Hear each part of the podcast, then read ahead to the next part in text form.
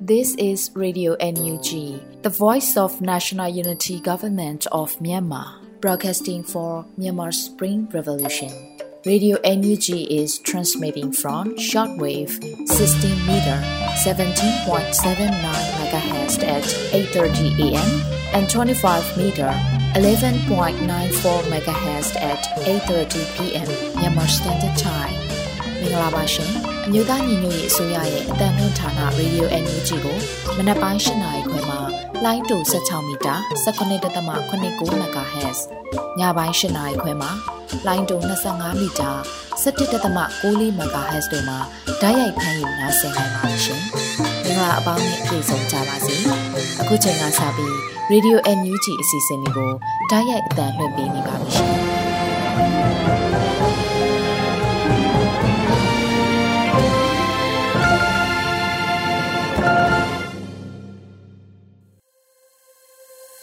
မင်္ဂလာနံနက်ခင်းပါရှင်ရေဒီယို NUG ဝန်သားဆင်နေကြတဲ့မိဘပြည်သူများနဲ့မြန်မာနိုင်ငံသူနိုင်ငံသားအပေါင်းတဘာဝဘေးဆရာနာရှင်ဘေးတို့ကနေကင်းဝေးပြီးကိုစိတ်နှပါဘေးကင်းလုံခြုံကြပါစေလို့ရေဒီယို NUG အဖွဲ့သားများကဆုတောင်းမေတ္တာပို့သလိုက်ပါတယ်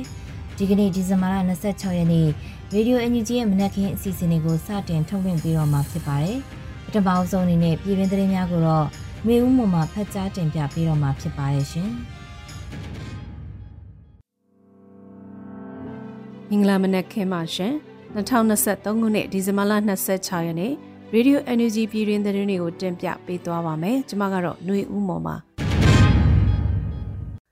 ဂျာကာလာဒေသန္တရပြည်သူ့အုပ်ချုပ်ရေးဖော်ဆောင်မှုဗဟုကော်မတီနဲ့စကိုင်းတိုင်းရှိမြို့နယ်ပြည်သူ့အုပ်ချုပ်ရေးဖွဲ့များတွေ့ဆုံဆွေးနွေးပွဲကျင်းပတဲ့သတင်းကိုတင်ပြပေးပါမယ်မြို့သားညီညွတ်ရေးအစိုးရဂျာကာလာဒေသန္တရပြည်သူ့အုပ်ချုပ်ရေးဖော်ဆောင်မှုဗဟုကော်မတီနဲ့စကိုင်းတိုင်းမြို့နယ်ပြည်သူ့အုပ်ချုပ်ရေးဖွဲ့များတွေ့ဆုံဆွေးနွေးပွဲအစည်းအဝေး 55မြင်းဆောင်2023ကိုဒီဇင်ဘာ25ရက်ကကျင်းပခဲ့ပါတယ်။စီဝေးမှာဂျာကာလဒေသနာပြည်သူ့အုပ်ချုပ်ရေးဖော်ဆောင်မှုဗဟိုကော်မတီဖွဲ့ဝင်အလုသမားဝန်ကြီးဌာနပြည်ထောင်စုဝန်ကြီးနိုင်ထွန်းဖေခနိုင်သူဝနာမှာဖွဲ့မှစကားပြောကြားခဲ့ပါတယ်။ဆက်လက်ပြီးဝန်ကြီးဌာနများမှလုပ်ငန်းစဉ်များနဲ့ပတ်သက်ပြီးရှင်းလင်းပြောကြားခဲ့ပြီးမြို့နယ်ပြည်သူ့အုပ်ချုပ်ရေးဖွဲ့ဝင်များမှမူဝါဒလမ်းညွှန်ချက်များလုပ်ငန်းဆောင်ရွက်ချက်များမြေပြင်အခက်အခဲများပေါ်သိရှိလူသည်များကိုမေးမြန်းဆွေးနွေးခဲ့ကြပြီး ဝန်ကြီးဌာနရဲ့တာဝန်ရှိသူများမှပြန်လည်ဖြေကြားခဲ့ပါတယ်။စီဝေးတို့ပြည်ထောင်စုဝန်ကြီးမြဲတဲ့အတိုးဝင်များတွဲဘက်မြဲတဲ့အတိုးဝင်များဌာနဆိုင်ရာများမှတာဝန်ရှိသူများစကိုင်းတိုင်းရှိမြို့နယ်ပြည်သူ့အုပ်ချုပ်ရေးအဖွဲ့ခေါင်းဆောင်များဖွဲ့ဝင်များတက်ရောက်ခဲ့ကြပါတယ်ရှင်။ပြည်ထောင်နဲ့လူမှုကြီးကြပ်ရေးဝန်ကြီးဌာနနဲ့ပဲခူးတိုင်း AR တိုင်းရန်ကုန်တိုင်းတနင်္သာရီတိုင်းရှိမြို့နယ်ပြည်သူ့အုပ်ချုပ်ရေးအဖွဲ့များတွဲဆုံဆွေးနွေးတဲ့တဲ့ရင်ကိုလည်းတင်ပြပေးပါမယ်။မြို့သားညီညွတ်ရေးအစိုးရပြည်ထောင်နဲ့လူမှုကြီးကြပ်ရေးဝန်ကြီးဌာနနဲ့ ပဲခူးတိုင်း၊ AR တိုင်း၊ရန်ကုန်တိုင်း၊တနင်္သာရီတိုင်းရှိမြို့နယ်ပြည်သူ့အုပ်ချုပ်ရေးအဖွဲ့များတွေ့ဆုံဆွေးနွေးပွဲအစည်းအဝေး25မြင်းဆောင်2023ကိုဒီဇင်ဘာ25ရက်နေ့မနက်10:00နာရီချိန်မှာကျင်းပပြုလုပ်ခဲ့တယ်လို့သိရပါဗျ။စည်းဝေးမှာပြည်ထောင်နဲ့လူမှုကြီးကြပ်ဝန်ကြီးဌာနတွဲဘက်အမြဲတမ်းအတိုးဝင်မှဖွင့်မစကားပြောကြားခဲ့ပါတယ်။ဆက်လက်ပြီးမြို့နယ်ပြည်သူ့အုပ်ချုပ်ရေးအဖွဲ့ဝင်များမှမူဝါဒလမ်းညွှန်ချက်များပြည်ပင်အုပ်ချုပ်ရေးဆောင်ရွက်နေမှုများနဲ့ကြုံတွေ့နေရတဲ့အခက်အခဲများကိုမေးမြန်းဆွေးနွေးခဲ့ရမှာ ဝန်ကြီးဌာနတာဝန်ရှိသူများကပြန်လည်ဖြေကြားပေးခဲ့ပါတယ်။စီဝေးကိုတွဲဘက်အမြဲတမ်းအတွဲမှာဦးဆောင်ပြီးပြည်သူ့အုပ်ချုပ်ရေးဦးစီးဌာနပြည်သူ့ရဲတပ်ဖွဲ့မိသက်ဦးစီးဌာနလူမှုကြီးကြပ်ရေးဦးစီးဌာနထူးစုံစမ်းထောက်လှမ်းဦးစီးဌာနတို့မှတာဝန်ရှိသူများပဲခူးတိုင်း AR တိုင်းရန်ကုန်တိုင်းတနင်္သာရီတိုင်းမှမြို့နယ်ပြည်သူ့အုပ်ချုပ်ရေးဖွဲ့ဝင်များတက်ရောက်ခဲ့ကြပြီး7:45မိနစ်အချိန်မှအစည်းအဝေးကိုရပ်နားခဲ့ကြတယ်လို့သိရပါတယ်ရှင်။ စစ်မြေပြင်မှာတိုက်ပွဲဝင်ရင်ကြဆုံးသွားတဲ့ရဲဘော်ရဲဘက်များအားလုံးဟာသူရဲကောင်းများဖြစ်ကြတယ်လို့လူခွင့်ရေးဆိုင်ရာဒူဝင်ကြီးပြောကြားလိုက်တဲ့အကြောင်းအရာကိုဆက်လက်တင်ပြပေးပါမယ်။စစ်မြေပြင်မှာတိုက်ပွဲဝင်ရင်ကြဆုံးသွားတဲ့ရဲဘော်ရဲဘက်များအားလုံးဟာသူရဲကောင်းများဖြစ်ကြတယ်လို့လူခွင့်ရေးဒူဝင်ကြီးခွန်မဟန်ထံကပြောပါတယ်။ဒီဇင်ဘာ25ရက်လူခွင့်ရေးဝန်ကြီးဌာနကတည်တုံညာနှစ်ခွန်စစ်စင်ရေးထောက်ခံပွဲနဲ့ရမုံငွေပွဲမိန်ကွန်ကောက်နှုတ်ချက်ကိုဖော်ပြပါတယ်။စစ်မြေပြင်မှာတိုက်ပွဲဝင်ရင်ကြဆုံးသွားတဲ့ ရဲဘော်ရဲဘက်များအားလုံးဟာကျွန်တော်တို့ရဲ့သူရဲကောင်းဖြစ်တယ်လို့နွေဦးတော်လေးမှာနီလန်းပေါင်းစုံကနေတိုက်ပွဲဝင်ရင်ကြာဆုံးသွားတဲ့ပြည်သူအယောက်စီတိုင်းကလည်းကျွန်တော်တို့ရဲ့သူရဲကောင်းတွေဖြစ်ပါတယ်လို့ဆိုပါတယ်2021ခုနှစ်စက်တဘာလ9ရက်မှာမြို့သားညီညွတ်ရေးအစိုးရဟာပြည်သူ့ခုခံတွန်းလှန်စစ်များစတင်မှုကြေညာခဲ့ပြီးလက်ရှိ2023ခုနှစ်မှာစစ်ရေးအရှိန်ကိုမြင့်တင်ခဲ့ပါတယ်ရှင် ရှေးဟောင်းမြို့တော်များဦးကိုစစ်ကောင်စီကလက်နက်ကြီးဖြင့်ပစ်ခတ်နေပြီးရသားတအုပ်ထပ်မံသေးဆုံးကရှေးဟောင်းပြတိုင်းနဲ့စီဒီပထိုးများထိခိုက်ပျက်စီးရတဲ့သတင်းကိုလည်းတင်ပြပေးပါမယ်။ရခိုင်ပြည်နယ်ရှိရှေးဟောင်းမြို့တော်များဦးမှာစစ်ကောင်စီကလက်နက်ကြီးနဲ့ပစ်ခတ်တိုက်ခိုက်နေတာကြောင့်ရသားတအုပ်ထပ်မံသေးဆုံးခဲ့ပြီးနှစ်ရက်တွင်းလက်နက်ကြီးကြောင့်သေဆုံးသူ၄ဦးထိရှိနေပြီလို့မြို့ကန်တွေကပြောပါတယ်။ဒီဇင်ဘာလ24ရက်နေ့မှာရခိုင်တပ်တော် AA ကမြောင်မြို့မှရဲစခန်း သူတော်မတောင်စခန်းနဲ့မြောင်မွေရဲစခန်းတို့ကိုတိုက်ခိုက်ခဲ့ပြီးနောက်စစ်ကောင်စီရဲ့မြောင်မြို့ခြေဆိုင်တရင်များမှရသားများနေထိုင်ရာနေရာတွေကိုလက်နက်ကြီးများနဲ့ပစ်ခတ်ခဲ့ပါတယ်။အဲဒီလိုပစ်ခတ်မှုကြောင့်ဒီဇင်ဘာလ24ရက်နေ့မှာရသား73ဦးထိခိုက်ဒဏ်ရာရခဲ့ပြီး၎င်းတို့ထဲမှမြို့သား2ဦးနဲ့မြို့သမီး2ဦးသေဆုံးခဲ့ကဒီဇင်ဘာ25ရက်နေ့မှာတိုက်ပွဲဖြစ်ပွားခြင်းမရှိဘဲလက်နက်ကြီးထပ်မံပစ်ခတ်နေတာကြောင့်ရသား3ဦးထိခိုက်ခဲ့ပြီး2ဦးထပ်မံသေဆုံးခဲ့တယ်လို့သိရပါတယ်။ လက်နက်ကြီးကတနေကုန်ပစ်တာပါ။ညနေ9နာရီလောက်မှရက်သွားတယ်။ရက်သား3ယောက်ထိတယ်တဦးသေးဆုံးပါတယ်။နွားလေးကောင်သေးပါတယ်လို့ဒေသခံတဦးက People Spring ကိုဖြေဆိုထားပါတယ်။ဒါအပြင်စကောင်စီတပ်ရဲ့လက်နက်ကြီးပစ်ခတ်မှုကြောင့်မြောက်ဦးရှေးအောင်မြို့တော်ရှိရှေးဟောင်းပြတိုင်းနဲ့ဇီးပထိုးများပါဝင်နေတချို့ထိခိုက်ပျက်စီးမှုများရှိခဲ့တယ်လို့သိရပါတယ်။မြောင်မြို့ရှိရှေးအောင်ဇေဒီတော်များအားပစ်ခတ်ဖျက်ဆီးခြင်းဟာရခိုင်တိုင်းသားတို့ရဲ့နှလုံးသားတဲ့တဲ့ကိုချိန်ရွယ်ပစ်ခတ်ခြင်းဖြစ်ကြောင်း ရခိုင်နိုင်ငံရေးသမားဥဖေတန်းကပြောဆိုထားပါတယ်။စိတ်တဲ့ပျက်စီးယိုယွင်းတွေကတိုက်ရိုက်ခိုက်ရကြားဆုံးလျက်ရှိပြီးစစ်မြေပြင်မှာအထိနာနေတဲ့စစ်ကောင်စီတပ်ကပြည်သူလူထုကိုသာတိကထားပြီးဥတီတိုက်ခိုက်နေကြောင်းမြောက်ပိုင်းမဟာမိတ်သုံးဘွဲကထုတ်ပြန်ထားပါတယ်ရှင်။တိမ့်ပိတ်ထားတဲ့စစ်ကောင်စီခလာရ133တပ်စခန်းတွင်ဆက်လက်ရှာဖွေသိမ်းဆည်းရတွင်လက်နက်နှင့်ခဲယမ်းများစွာထပ်မံသိမ်းဆည်းရရှိတယ်လို့ TNL အသိပေးပြောဆိုတဲ့အကြောင်းအရာကိုတင်ပြပေးပါမယ်။ သိမ့်ပိုက်ထားတဲ့စစ်ကောင်စီခလာရ133ညတပ်စခန်းအတွင်းဆက်လက်ရှာဖွေစစ်ဆေးရမှာလက်နက်နဲ့ခဲယမ်းများစွာထပ်မံသိမ်းဆည်းရရှိတယ်လို့ TNL ကဒီဇင်ဘာ25ရက်မှာအသိပေးဆိုပါတယ်။တမဟာသုံးစစ်ဒေသမန်တုံမြို့ရှိစကောင်စီတပ်စခန်းတို့ကိုတောင်တမရော PSLF TNL ကဒီဇင်ဘာလ22ရက်နေ့မှာစကောင်စီဟောင်ဝဇာလက်နက်နဲ့လက်နက်များစွာသိမ်းဆည်းရမိပါတယ်။ ဖမ်းဆီးရမိထားတဲ့စစ်သုံးမန်းများရဲ့ထွက်ဆိုပြောပြချက်အရစစ်ကောင်စီခလိုက်ရ133ညတပ်စခန်းတွင်ဆက်လက်ရှာဖွေစစ်ဆေးရမှာယနေ့ဒီဇင်ဘာလ25ရက်နေ့မှာလက်နက်နဲ့ခဲယမ်းများစွာထပ်မံသိမ်းဆည်းရရှိခဲ့တယ်လို့ဆိုပါရယ်။တမဟာလေးစစ်ဒေသနမ်တူမြို့နယ်တွင်နမ်တူခြေဆိုင်စစ်ကောင်စီတပ်ချင်းမြန်တရင်3နှစ်လေးကလက်နက်ကြီးနဲ့16ချိန်ရသားပြည်သူရှိရာကိုဥတီပစ်ခတ်မှုကြောင့်မန်စာကြီးအုပ်စုနားလင်းကျေးရွာတွင်ကြားရောက်ပောက်ကွဲကနေတလုံးမီလောင်ပျက်စီးခဲ့ပြီး နေရင်တွင်းရှိစမ်းစီငွေသိန်း20ကျပ်ကျော်မီလောင်ဆုံးရှုံးသွားခဲ့ရပါတယ်ရှင်။ရွှေဘိုမြို့နယ်မြင်းချင်းပြူရွာကိုတိုက်ခိုက်သိမ်းပိုင်စစ်ကောင်စီတပ်ဖွဲ့ဝင်3သေဆုံးပြီး ပြည်သူ့စစ်အဖွဲ့ဝင်များကိုလက်နက်6လက်နဲ့အတူဖမ်းဆီးရမိတဲ့တဲ့ရင်ကိုလည်းတင်ပြပေးကြပါမယ်။စကိုင်းတိုင်းရွှေဘုံမြို့နယ်ကမြင်းချင်းရွာမှာတပ်ဆွဲနေတဲ့စစ်ကောင်စီစခန်းကိုပြည်သူ့ကာကွယ်ပူးပေါင်းဖွဲ့ကတိုက်ခိုက်သိမ်းပိုက်ခဲ့ရာစစ်ကောင်စီတပ်ဖွဲ့ဝင်3သေဆုံးပြီးပြည်သူ့စစ်အဖွဲ့ဝင်များကိုတပ်နက်6လက်နဲ့အတူဖမ်းဆီးရရှိခဲ့တယ်လို့တိုက်ပွဲဝင်ပြည်သူ့ကာကွယ်အဖွဲ့များကထုတ်ပြန်ထားပါတယ်။ မြင်းချင်းပြူရွာကိုရွှေဘုံခရိုင်မှာရှိတဲ့ပြည်သူ့ကာကွယ်တရင်လေးရင်ကဒီဇင်ဘာလ24ရက်နေ့မနက်3နာရီခန့်အချိန်မှာဝင်ရောက်တိုက်ခိုက်ခဲ့ရာနနက်9နာရီခန့်အချိန်မှာပြီးသက်သိမ်းပိုင်နိုင်ခဲ့ပြီးပြည်သူ့ကာကွယ်တပ်မတော်အလံကိုလွှင့်ထူနိုင်ခဲ့တယ်လို့ရွှေဘုံခရိုင်မှတ်18တရင်နယ်စီမချတော်လိုင်းအင်အားစုကအသိပေးထားပါတယ်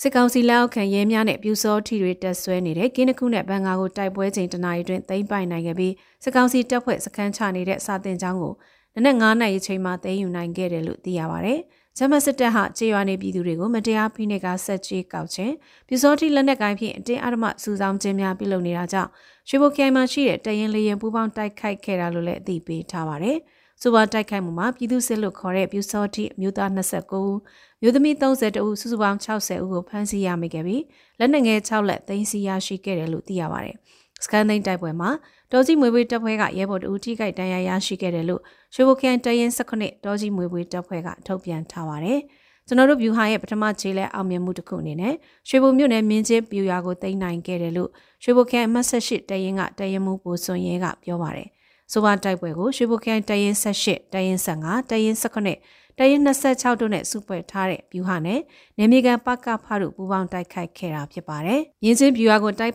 ခိုက်သိမ်းပိုက်နိုင်ခဲ့တဲ့ပြည်သူ့ကာကွယ်ပူးပေါင်းဖွဲ့တွေကိုဒေသခံပြည်သူတွေကအောင်တပြေပန်းနဲ့ကြိုးဆိုခဲ့ကြတဲ့အတွက်မိဘပြည်သူများကိုထူးပင်ကျေးဇူးတင်ကြောင်းပြည်သူ့ကာကွယ်အဖွဲ့တွေကရုပ်သံမှတ်တမ်းတွေနဲ့အတူထုတ်ပြန်ထားပါတယ်။လက်ရှိမှာစစ်တုံးမှန်းဖြင့်ဖမ်းဆီးရမိထားတဲ့ပြူစောတင်များကိုစစ်တုံးမှန်းမူဝါဒနဲ့ညီထိန်သိမ်းထားပြီးပြူဖြစ်စုဆောင်းခံရသူများနဲ့တာမန်ရသားများကိုစစ်စစ်ခွဲကြပြီးကောင်းမွန်စွာထိန်သိမ်းစောင့်ရှောက်ထားတယ်လို့ရွှေဘုခဲမက်ဆေ့ချ်တရင်နေစီမချတော်လိုင်းအင်အားစုကအသိပေးထားပါတယ်ရှင်။ တာစီကျင်းတော်မှာစစ်ကောင်စီတပ်သားများကိုနှစ်ကြိမ်တိုက်ခိုက်ခဲ့ရမှာခုနှစ်ဦးသေဆုံးပြီးလက်နက်လေးနက်ရရှိခဲ့တဲ့တဲ့ရင်ကိုလည်းတင်ပြပေးပါမယ်။စကိုင်းတိုင်းမုံရမြို့နယ်ရှိတာစီကျင်းတော်မှာထွက်လာတဲ့စစ်ကောင်စီတပ်သားများကိုပစ်ခတ်တိုက်ခိုက်ခဲ့ပြီးထိခိုက်သူများကိုစေယုံပို့ဆောင်ရတွင်ထပ်မံတိုက်ခိုက်ခဲ့ရာစစ်ကောင်စီတပ်သားခုနှစ်ဦးသေဆုံးပြီးတနက်လေးလက်ရရှိခဲ့တယ်လို့ဗမာလူမျိုးရေးဒီမိုကရက်တစ်တပ်ဦး BLDF အဖွဲ့ထံမှသိရပါဗျ။ဒီဇင်ဘာလ24ရက်နေ့မနက်၈နာရီခွဲခန့်ကမုံရွာမြို့နယ်တာစီရဲစခန်း၏အသစ်ဆောင်နေတဲ့ ကျင်းတော်မှထွက်လာတဲ့စစ်ကောင်စီတပ်သား10ဦးခန့်ကိုဒေသရင်းတော်လိုင်းအင်အားစုများကခြုံခိုတိုက်ခိုက်ခဲ့တယ်လို့ဆိုပါတယ်။ပြန်လည်ပစ်ခတ်မှု9မိနစ်ခန့်ဖြစ်ပွားခဲ့ပြီးစစ်ကောင်စီတပ်သား2ဦးနေရာမှာပွဲချင်းပြီးသေဆုံးကငေါင်းကတရားရရှိခဲ့တယ်လို့ BLDF တာဝန်ရှိသူကပြောပါတယ်။ထိခိုက်ဒဏ်ရာရသူများကိုအလုံမြို့စစ်ဆေးရုံသို့လူနာတင်ကားနဲ့ပို့ဆောင်စဉ်မုံရမြို့နယ်ပြည်သူ့ကာကွယ်ရေးဖွဲ့ပကဖနဲ့မုံရမြို့နယ်ပြည်သူ့လုံခြုံရေးဖွဲ့ပကဖတို့ကစောင်းဆိုင်တိုက်ခိုက်ခဲ့အောင်စစ်ကောင်စီတပ်သား9ဦးသေဆုံးပြီးလက်နက်လေးလက်ရရှိခဲ့တယ်လို့သိရပါတယ်။ တာစီကျင်းတော်မှာစစ်သားများဟာဒေသခံပြည်သူများကိုအဓမ္မငွေကြေးကောက်ခံနေကြောင်းသတင်းရသဖြင့်နေစဉ်ကင်းမုံဝင့်စောင်းဆိုင်ကတိုက်ခိုက်ခဲ့ခြင်းဖြစ်တယ်လို့ BLDF အဖွဲ့တာဝန်ရှိသူတဦးကပြောပါတယ်။ပထမစစ်စေးကိုဗမာလူမျိုးရေးဒီမိုကရက်တစ်တပ်ဦး BLDF ကာရာစခန်းဗမာလူမျိုးရေးဒီမိုကရက်တစ်တပ်ဦး Special Region Attack Force SRAF တပ်ခွဲနဲ့အတူ9 million အဖွဲ့ရင်းမပင်ခရိုင်အမှတ်30တရင် Future Star အဖွဲ့မုံရခိုင်တရင်25တပ်ခွဲလေး YASF မုံရခိုင်တရင်21တပ်ခွဲ3မုံရမြို့နယ်ပြည်သူ့လုံခြုံရေးတပ်ဖွဲ့တိုက်နေ9တို့မှပူးပေါင်းတိုက်ခိုက်ခဲ့တာဖြစ်တယ်လို့သိရပါတယ်ရှင်။လေပိုင်းတိုင်းထူးစစ်စင်ရေးဖွဲ့ကျိုးပန်းမှုဖြင့်ခရစ်စမတ်လက်ဆောင်ဖြင့်စစ်ရှောင်းအိမ်အောင်စုများကိုစံစီငချောင်းနဲ့ကြာစံတုံများမျှဝေလူဒန်းခဲ့တဲ့တဲ့ရင်ကိုလည်းတင်ပြပေးပါမယ်။လေပိုင်းတိုင်းထူးစစ်စင်ရေးဖွဲ့ရဲ့ကျိုးပန်းမှုနဲ့ခရစ်စမတ်လက်ဆောင်ဖြင့်စစ်ရှောင်းအိမ်အောင်စုများကိုစံစီငချောင်းနဲ့ကြာစံတုံများမျှဝေလူဒန်းခဲ့တယ်လို့သိရပါတယ်။ ပြည်တွင်းပြည်ပမှလူရှင်များပံ့ပိုးကူညီမှုနဲ့အတူလေပိုင်းတိုင်းထူးစစ်စင်ရေးဖွဲ့ရဲ့ကျိုးပန်းမှုနဲ့ခရစ်စမတ်လက်ဆောင်ဖြင့်စစ်ရှောင်းအိမ်အောင်စုများကိုစံစီငချောင်းနဲ့ကြာစံတုံများမျှဝေလှူဒန်းခဲ့တယ်လို့ဆိုပါတယ်။စစ်ရှောင်းအိမ်အောင်စုတစုအတွက်စံ3ပြည့်စီ30ကျပ်သား5ဘူးငချောက်လေးတို့ကြာစံ2ထုပ်မျှဝေလှူဒန်းခဲ့ကြပါတယ်။ရဲဘော်များကလည်းစုပေါင်းကအာဟာရဒါနဖြင့်စစ်ရှောင်းကလေးငယ်များကိုစက်သားဆံပြုတ်တိုက်ကျွေးကုသိုလ်ယူခဲ့ကြတယ်လို့သိရပါတယ်ရှင်။ ခုတင်ပြခဲ့တဲ့သတင်းတွေကို Radio Energy သတင်းတောက်မင်းတီဟန်ကိုခန့်နဲ့မင်းစစ်သွေးတို့ကပေးပို့ထားတာဖြစ်ပါတယ်ရှင်။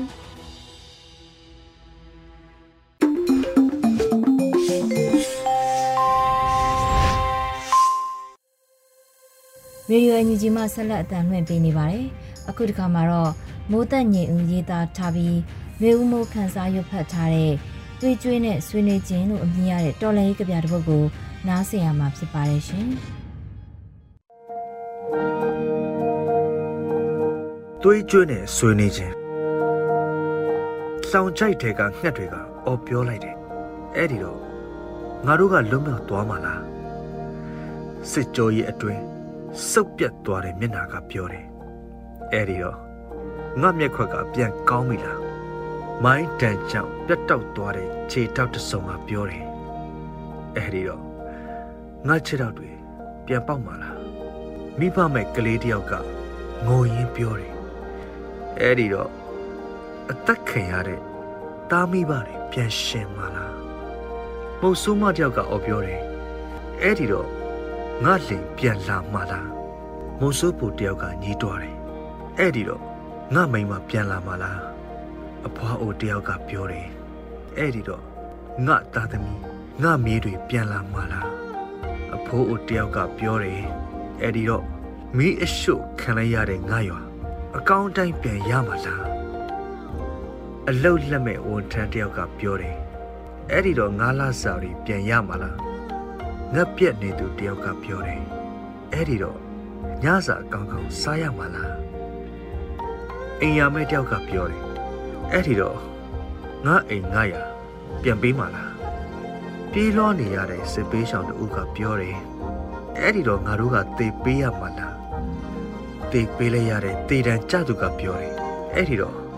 ငါတို့အသက်တွေပြန်သွင်းပေးမှာလားနင်းချေခံလိုက်ရတဲ့ပန်းတပွင့်ကပြောတယ်အဲ့ဒီတော့ပန်းပွင့်မိတာအပြစ်လားအတောင်အချိုးခံရတဲ့ဂျိုးဖြူငှက်ကပြောတယ်အဲ့ဒီတော့လွတ်လပ်ချင်တာအပြစ်လားလူအခွင့်ရေးကျင်ညာစာတန်းကပြောတယ်အဲ့ဒီတော့တန်းတူညီမျှချင်တာအပြစ်လား အယိုးတုံတန်တွေနဲ့ကဘာတုံဟီးအောင်တံပြန်ဟစ်တံကိုကြားကြရတယ်။သွေးကြွေးမှာဆွေးနွေးစရာမရှိ။သွေးကြွေးမှာဆွေးနွေးစရာမရှိ။မုတ်တငယ်ဦး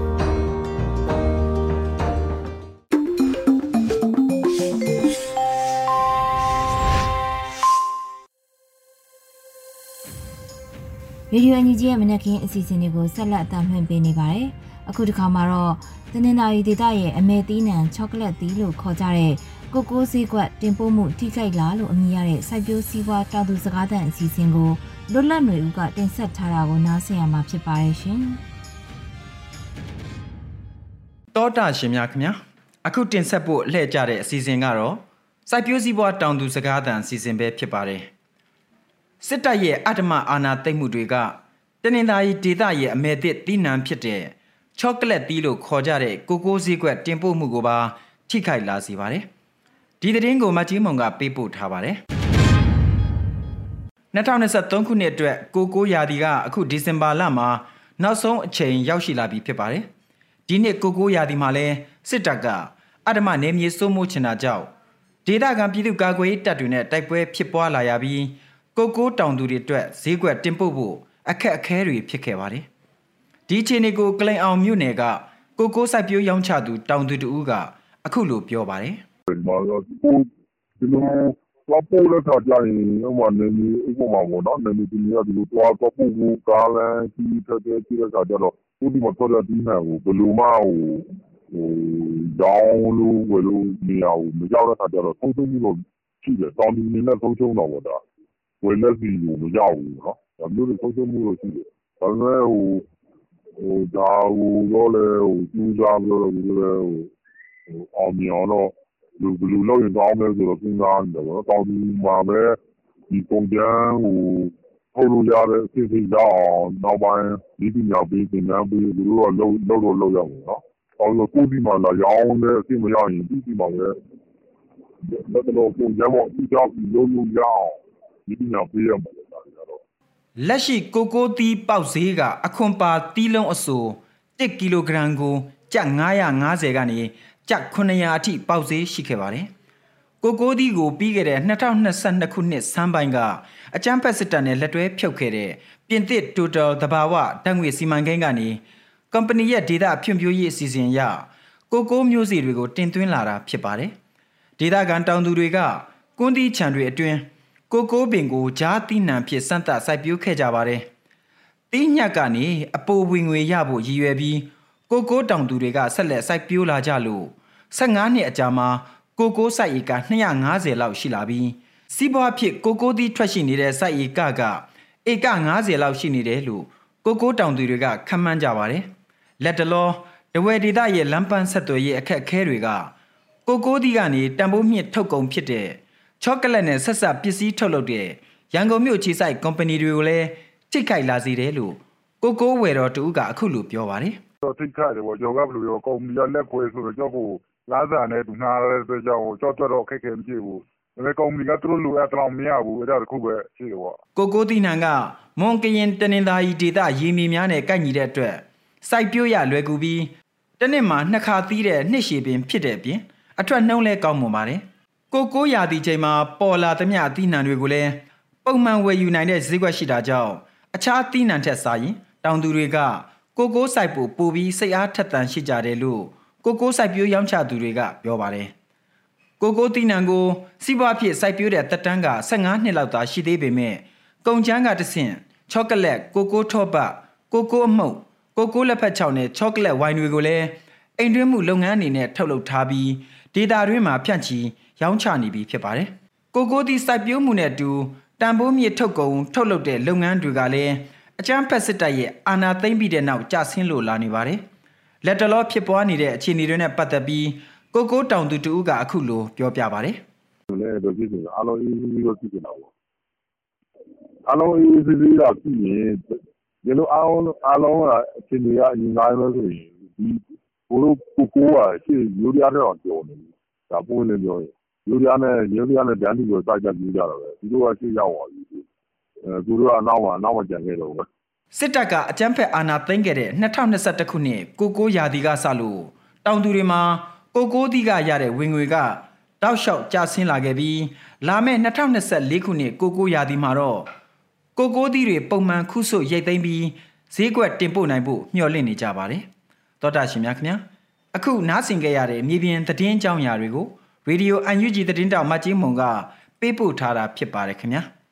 ကျွန်တော်ကလွတ်လပ်နေဦးပါ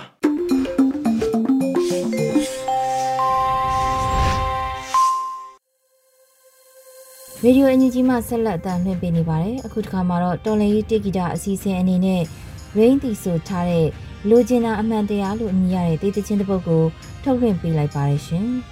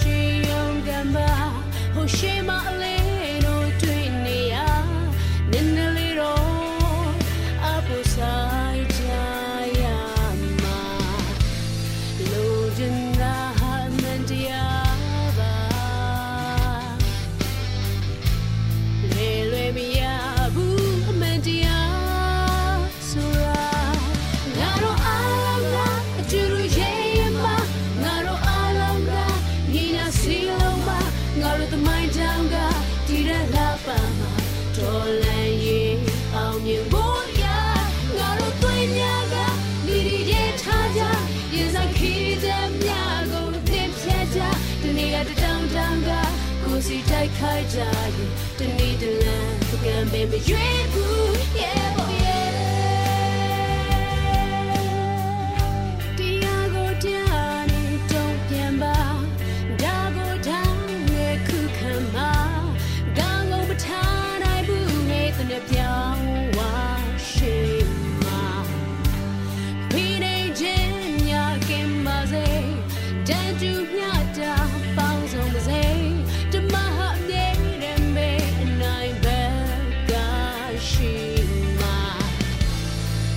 တို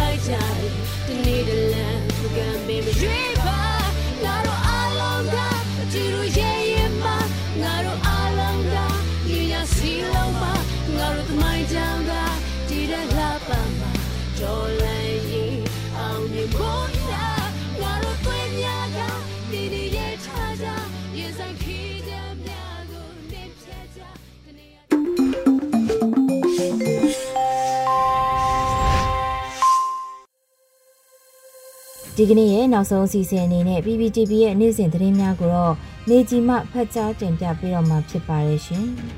။ခုချိန်ကစပြီး PPTV သတင်းတွေကိုတင်ဆက်ပေးတော့မှာပါ။ကျွန်မနေကြီးပါရှင်။ပထမဆုံးတင်ဆက်ပေးမှာကတော့ပင်လယ်ဘူးမြို့နယ်မှာမြို့နယ်ပြည်သူ့အုပ်ချုပ်ရေးအဖွဲ့ကဒေသဖွံ့ဖြိုးရေးအတွက်လန်ဒရာတွေကိုစစ်ဆေးတဲ့တဲ့မှာ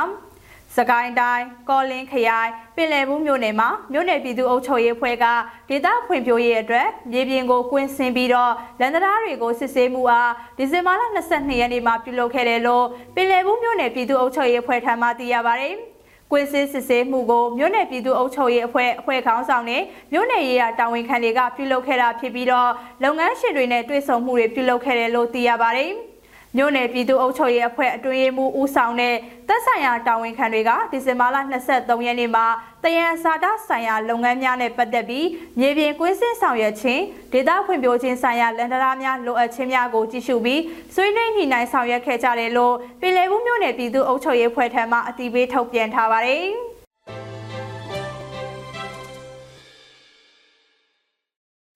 ထပ်မံတင်ဆက်ပေးမှာကတော့ကိုကန်းကအိုနီယာနဲ့မူပန်တိန်ဒီဒေတာကိုအကြံဖက်စစ်တပ်ကလေကြောင်းကနေတိုက်ခိုက်ခဲ့ရာအရသာ၃ဦးသေဆုံးပြီး10ဦးဒဏ်ရာရရှိတဲ့တဲ့မှာရှမ်းပြည်နယ်မြောက်ပိုင်းကိုကန့်ကအိုနီယာနဲ့မူပန်တိန်ဒီဒေတာကိုအကြမ်းဖက်စစ်တပ်ကလေကြောင်းကနေတိုက်ခိုက်ခဲ့ရာအရသာ၃ဦးသေဆုံးပြီး10ဦးဒဏ်ရာရရှိခဲ့တယ်လို့တပ်ကိုကန့်ကမနေ့ကထုတ်ပြန်လိုက်ပါတယ်။ အကြံဖက်စစ်တပ်ကဒီဇင်ဘာလ23ရက်နေ့ကကိုကန်ရှိအိုနေယာကိုစစ်ကောင်စီကဂျက်လေရင်နဲ့အကြိမ်ပေါင်းများစွာလာရောက်ပုံကျဲတိုက်ခိုက်ခဲ့တာပါအကြံဖက်စစ်တပ်ကပြစ်ခတ်လိုက်တဲ့ဘုံဒီကကိုကန်ရှိအလုံတုံနေရာကစစ်ပေးဆောင်ဒုက္ခတဲ့ခိုလုံနေတဲ့နေရာကိုကြားရောက်ပောက်ကွဲခဲ့တာကြောင့်ကလေးငယ်တယောက်ပါဝင်9ယောက်တန်းရရရှိခဲ့ပြီးတယောက်သေဆုံးခဲ့တယ်လို့ MNDA ကဆိုပါတယ်။ အဲ့ဒီနေ့မှာပဲအရက်သား2ယောက်သေဆုံးခဲ့တဲ့ဆိုတာနဲ့အဲ့ဒီသတင်းကိုတော့အတိမပြုတ်နိုင်သေးဘူးလို့ဆိုပါတယ်။ဒါအပြင်ဒီဇင်ဘာလ23ရက်နေ့နယ်စပ်မှတ်တိုင်း123နေရာစစ်ပေးရှောင်နေတဲ့အရက်သား16နှစ်မိန်းကလေးတယောက်နဲ့နယ်စပ်မှတ်တိုင်း124အနီးထင်းကောက်နေစီအကြမ်းဖက်စစ်ကောင်စီထောင်ထားတဲ့မိုင်းကိုနင်းမိပြီးပောက်ကွဲခဲ့တာကြောင့်ခြေနှချောင်းထိမှန်ပြီးညာဘက်ခြေတလုံးကျိုးပဲ့သွားတယ်လို့ဖော်ပြခဲ့ပါတယ်။ ကိုကန်ဒေတာမှာဒီဇင်ဘာလ10ရက်နေ့ကစပြီးတိုက်ပွဲတွေငြိမ်သက်ခဲ့ပြီးမြဲဒီဇင်ဘာလ18ရက်နေ့ကနေစပြီးအကြမ်းဖက်စစ်ကောင်စီကဂျက်လီရင်နဲ့ကိုကန်ဒေတာနဲ့ကိုကန်ဘေးပတ်ပတ်လည်နေရာတွေကိုလာရောက်ပုံကျဲတိုက်ခိုက်ခဲ့တာပါ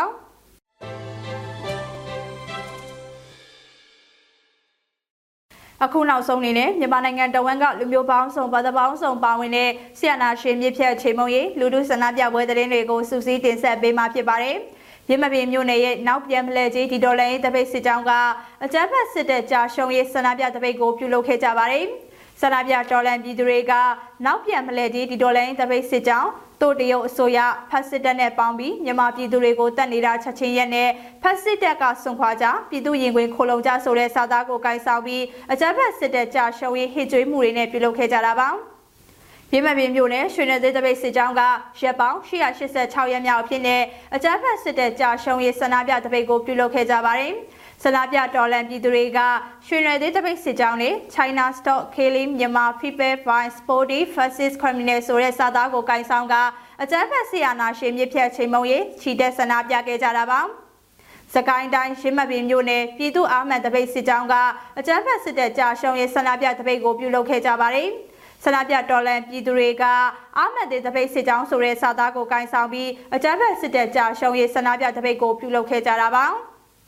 ဒေသခံတော်လန်ပြည်သူတွေကနေမြေမငြိမ်သက်မှုတွေကြားတွေကပြီးအကြမ်းဖက်စစ်တပ်ကြာရှုံးရေးဆန္ဒပြတပိတ်ကိုနေ့စဉ်ပြုလုပ်နေကြတာပါဒီကနေ့ကတော့ဒီညနဲ့ပဲ Radio NUG ရဲ့အစီအစဉ်လေးကိုခਿੱတရနာလိုက်ပါမယ်ရှင်။ မြမစံတော်ချိန်မနက်၈နာရီခွဲနဲ့ည၈နာရီခွဲအချိန်တွေမှာပြန်လည်ဆုံတွေ့ကြပါစို့။ Radio NUG ကိုမနက်ပိုင်း၈နာရီခွဲမှာလိုင်းတူ16မီတာ19.8 MHz ညပိုင်း၈နာရီခွဲမှာလိုင်းတူ25မီတာ17.6 MHz တို့မှာဓာတ်ရိုက်ဖမ်းလို့နိုင်စေနိုင်ပါပြီ။မြန်မာနိုင်ငံသူနိုင်ငံသားတွေကိုစိတ်နှပြကျန်းမာချမ်းသာလို့ဘေးကင်းလုံခြုံကြပါစေလို့ Radio NUG အဖွဲ့သူဖွဲ့သားတွေကဆုတောင်းမြတ်တာပို့တာလာရပါတယ်ရှင်။ မြေသားညီမတွေအစိုးရရဲ့စက်သွေးရေးသတင်းအချက်အလက်တွေပညာဝန်ကြီးဌာနကထုတ်လွှင့်နေတဲ့ Radio NUG ဖြစ်ပါတယ်။ San Francisco Bay Area အခြေစိုက်မြန်မာမိသားစုတွေနဲ့နိုင်ငံတကာကစေတနာရှင်လို့အားပေးနေတဲ့ Radio NUG ဖြစ်ပါတယ်။အရေးတော်ပုံအောင်ရမည်